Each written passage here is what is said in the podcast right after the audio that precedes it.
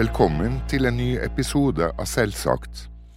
I dag skal vi ta for oss hva som kan gå galt med BPA, og alt som går galt med BPA.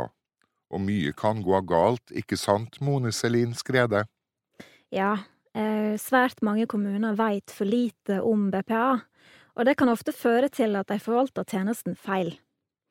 Funksjonshemma opplever ofte at de enten får for få timer, eller at de får avslag på BPA.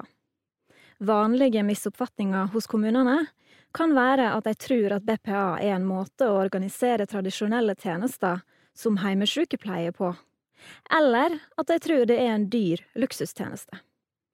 Jeg heter Hans Gjellemo, og dette skal vi snakke om i dag, men først Likestillingsnytt.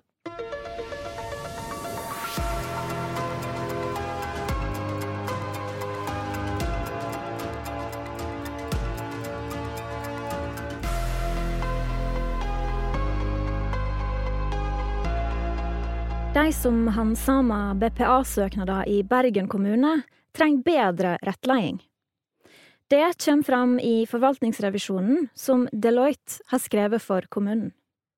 Deloitte tilrår videre at kommunen sikrer individuelle vurderinger av BPA-søknadene, og skriver tydelig hvordan de grunngjev avgjørende.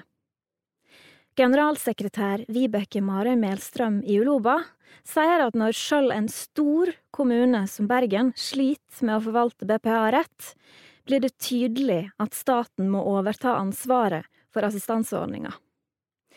Barn og unge som trenger tilrettelagt undervisning, er ei gruppe som ble hardt råka av tiltaka under koronapandemien. Det syner undersøkinga som FFO har gjort. Therese Larsen er interessepolitisk leder i FFO, og på organisasjonen sin nettside sier hun at 50% av respondentene i skolealder svarer at de har tapt progresjon i skolearbeidet. 47% har psykiske utfordringer. Dette kan bli utfordrende for oss som samfunn å reparere når pandemien er over, sier Therese Larsen. Dette var Likestillingsnytt, og jeg heter Mone Selin Skrede.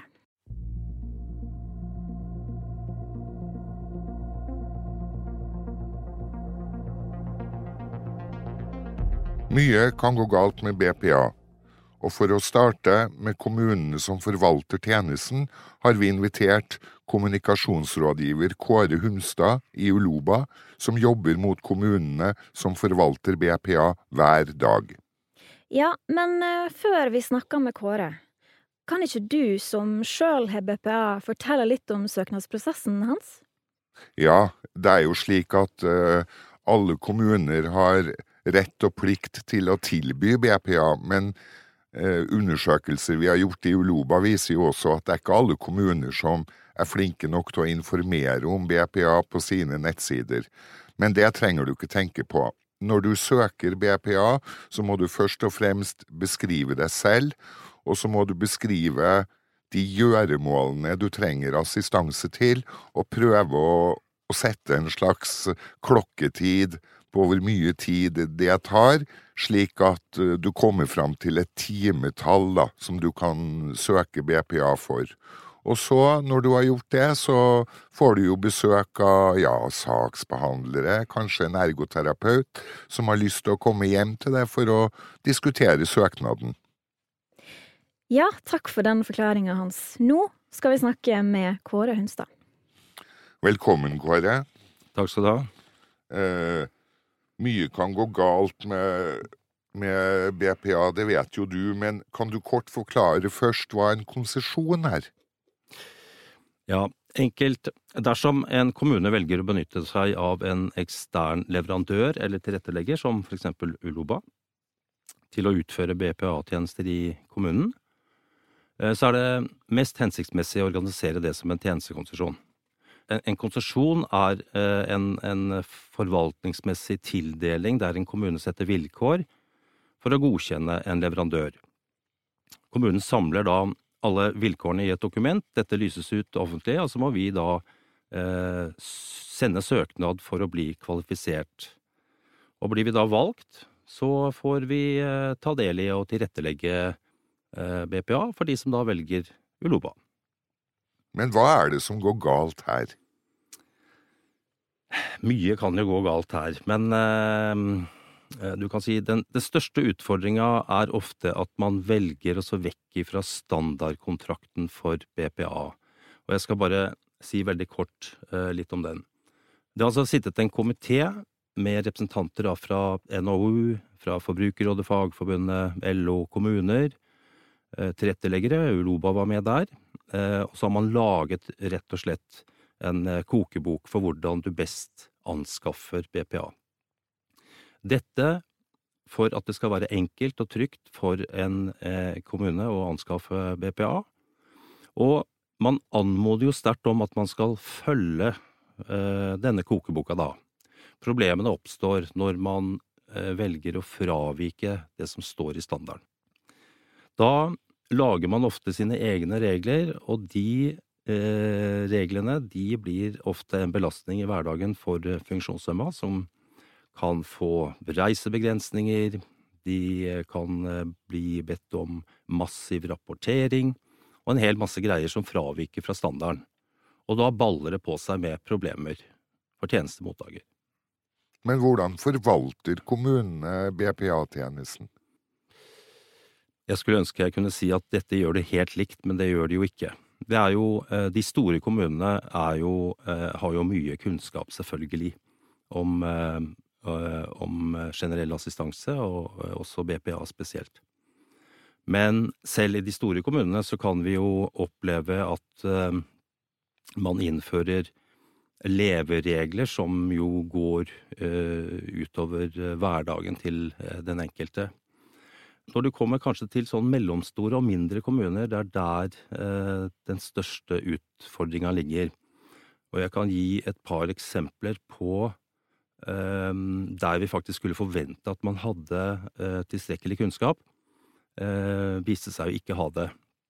Færder kommune utlyste nylig en BPA-kontrakt, og der protesterte Uloba på at eh, det skulle innføres regler om at man måtte avklare med kommunen om man skulle reise ut av landet. Dette reagerte også Virke på, og eh, Virke hadde et møte med kommunen, hvor kommunen da aksepterer at de skal lempe på dette kravet. Hvis man skal lempe på dette kravet i anskaffelsesprosessen, så må man gjøre det innen en tidsfrist, i dette tilfellet mandag klokka tolv. Og det gjorde de ikke, Altså ble det stående igjen i kontrakten at eh, man må avklare med kommunen om man skal reise ut av landet. Så utfordra vi kommunen på dette punktet etter at denne søknadsfristen var gått ut. Vi søkte jo ikke på ferder.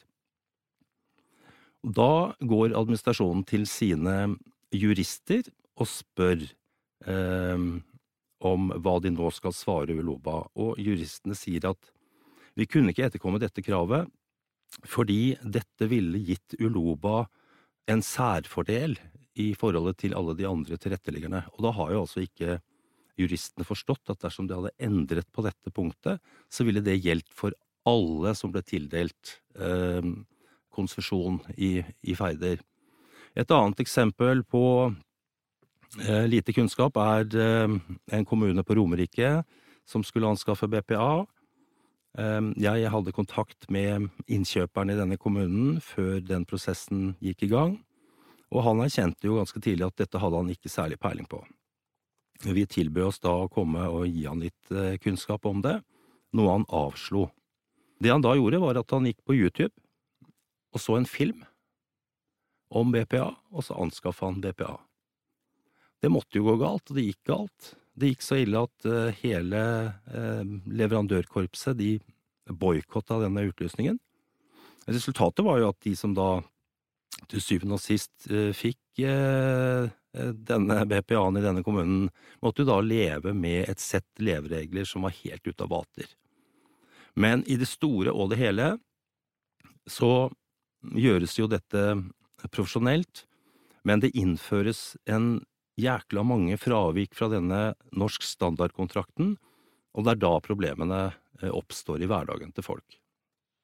Men hvorfor aksepterer funksjonshemmede dette, altså reisebegrensninger og assistenter som skal rapportere om hva de gjør av ulike gjøremål for oss? Vi har vel lært oss at eh, funksjonshemma helt fra eh, i hvert fall de fyller 18 år, så får man jo mer eller mindre automatisk tilbud om uføretrygd. Og får et signal om at eh, vi forventer ingenting av deg. Og det tror jeg kan være starten på det som kan prege deg eh, resten av livet, og som vi, vi egentlig ser igjen i litt sånn handlingslammelse. Et eksempel på dette er at da Oslo kommune utlyste BPA-kontrakt forleden, så inviterte vi våre 150 ordninger cirka i Oslo til et informasjonsmøte. Av 150 kommer åtte. Altså denne kontrakten bestemmer hverdagen din for mange, mange år framover, og jeg ville tro at eh, veldig mange andre grupper ville ha stilt opp og vært veldig nysgjerrige og kanskje hatt meninger om det de ble fortalt, men åtte stykker kommer. Og det er det vi opplever egentlig landet rundt. Min opplevelse av dette er at eh, funksjonshemma er litt vant til at det blir ordna opp for dem. Eh, og dette må vi gjøre noe med ganske på kort sikt. Vi seiler om et års tid eh, under det eh, inn i eh, en nominasjon til eh, kommunevalg over hele Norge.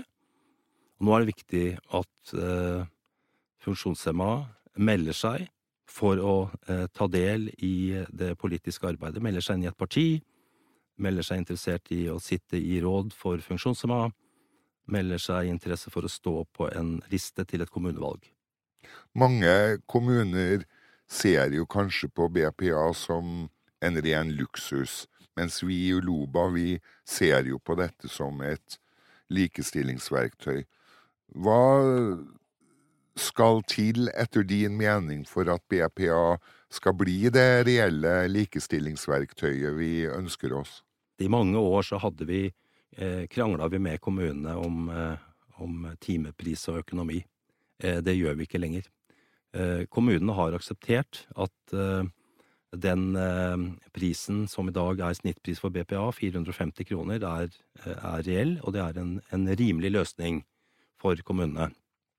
Tilbake i 2014 så laget eh, NHO, eh, KS og Virke en veileder til norske kommuner for at de enklere skulle kunne prise kostnadene på helse- og omsorgstjenester.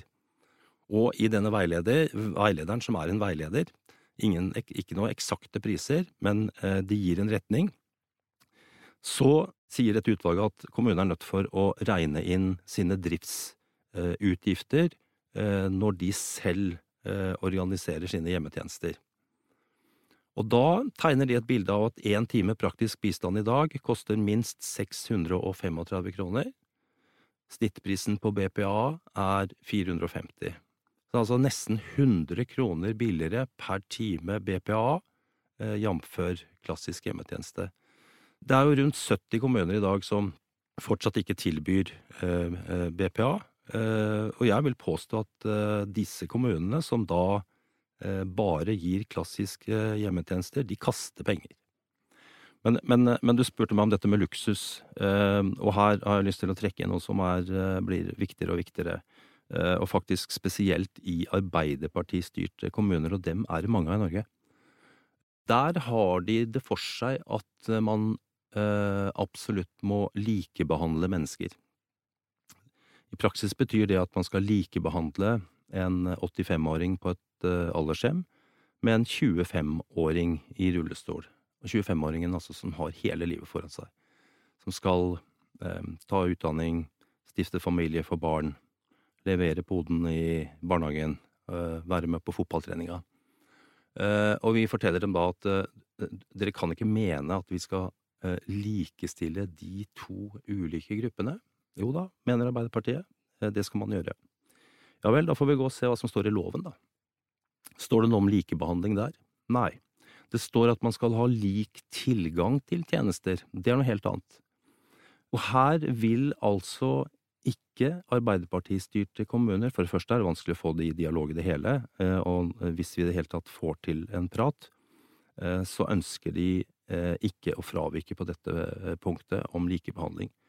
Her tror jeg vi skal helt tilbake til et landsmøte i Arbeiderpartiet. Må forklare faktisk eh, moderpartiet eh, at de er nødt for å legge en, en, ny politisk kurs på akkurat dette.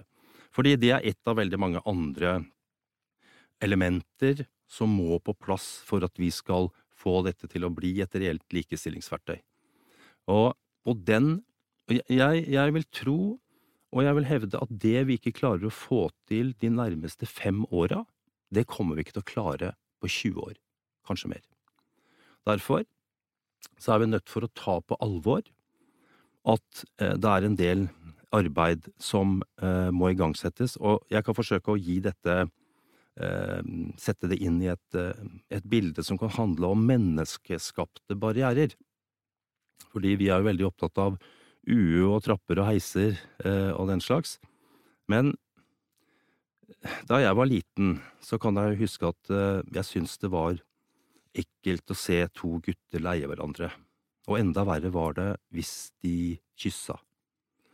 Og jeg husker situasjoner hvor personer som var mørke i huden kom for nære meg, jeg syntes det kunne også være ekkelt. Og dette hadde jeg jo ikke lært hjemme.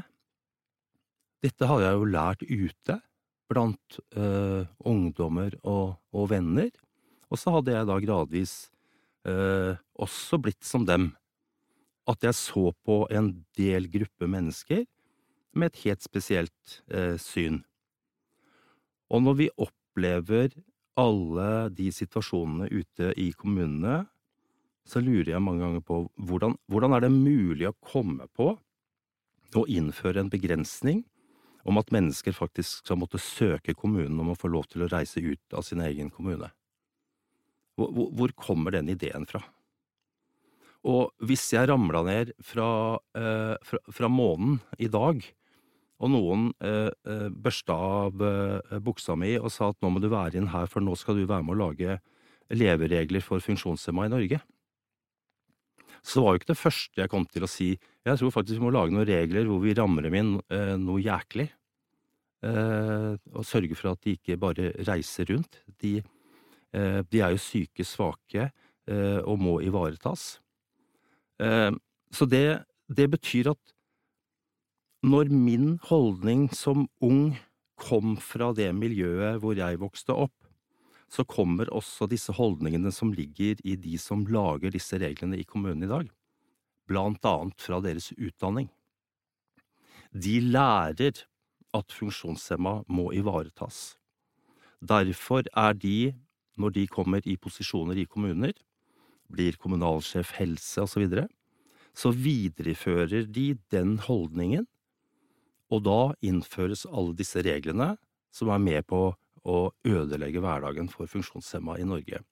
Her må vi ut, og vi er Jeg leder nå et prosjekt i, i Uloba. Vi skal ut og snakke med, eh, med politikere. Vi skal ut og snakke med eh, helsesjefer, og vi skal ut og snakke med kommunedirektører. Eh, I håp om at de er villige til å tilegne seg litt eh, større kunnskap på dette feltet.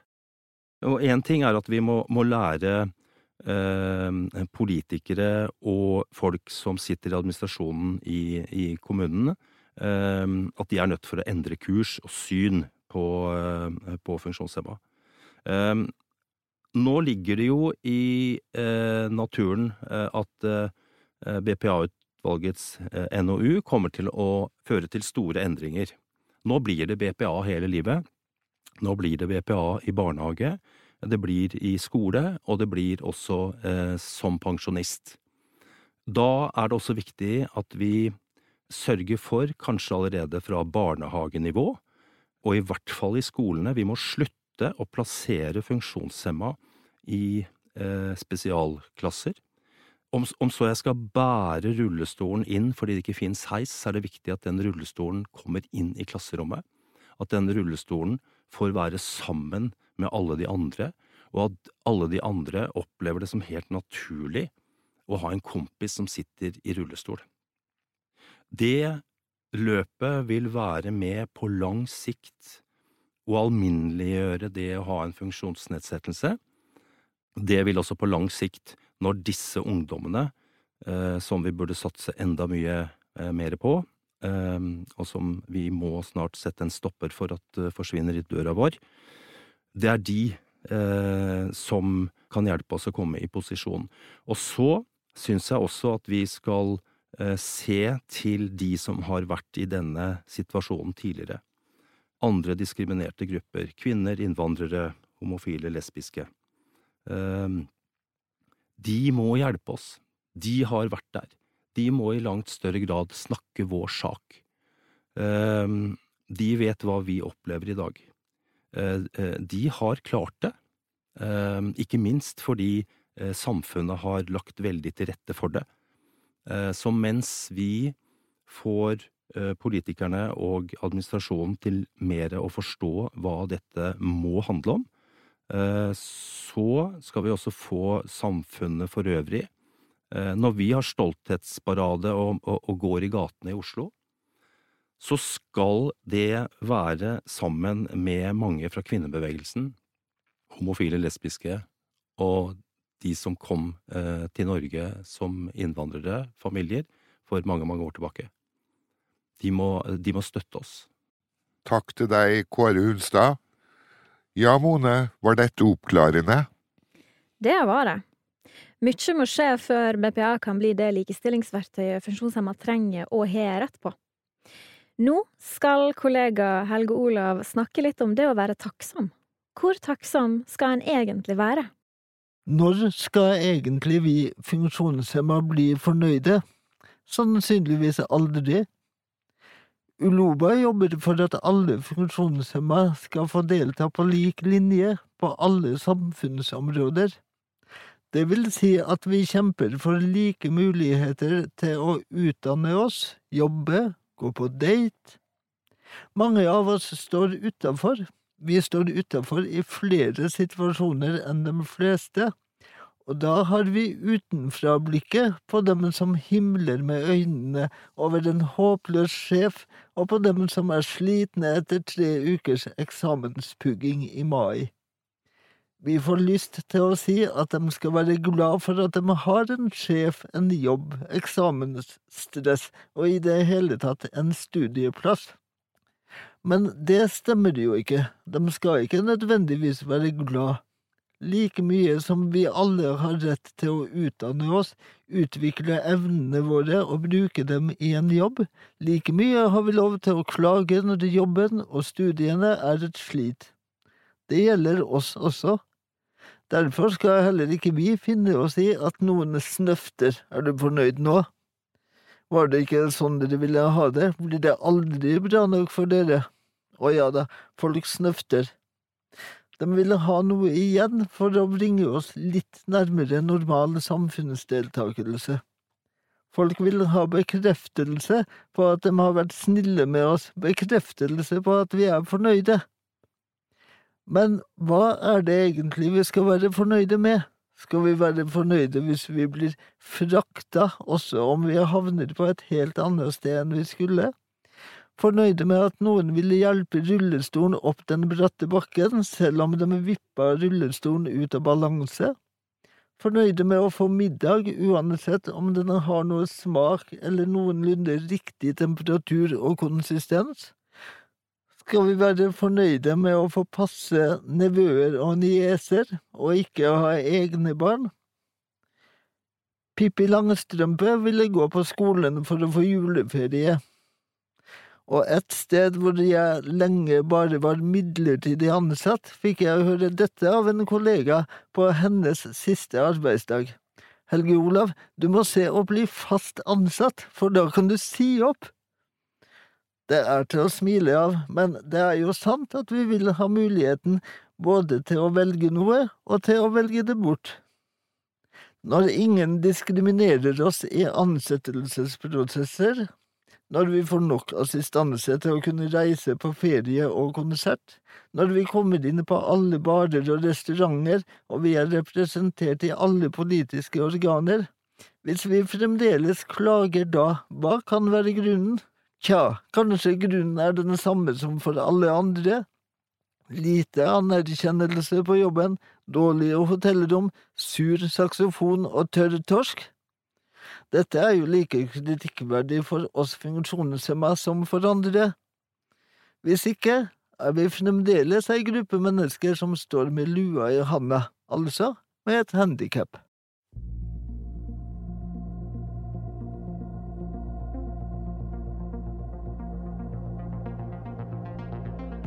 Du har nå hørt årets andre episode av Selvsagt. Mange har ennå ikke hørt om Selvsagt, og veit ikke at podden vår finnes. Du kan hjelpe til med å fortelle dem det. Få vennene eller kollegaene dine til å lytte, og til å følge Selvsagt. Da får de beskjed hver gang vi kommer med nye episoder. Har du forslag til hva vi bør snakke om i senere episode, eller vil du kommentere noe av det du har hørt nå? Da kan du sende en e-post til selvsagt krøllalfauloba.no. I denne episoden har du hørt Hans Gjellemo, Kåre Hunstad og Helge Olav Haneseth Ramstad. Mitt navn er Mone Selin Skrede. Vi høres!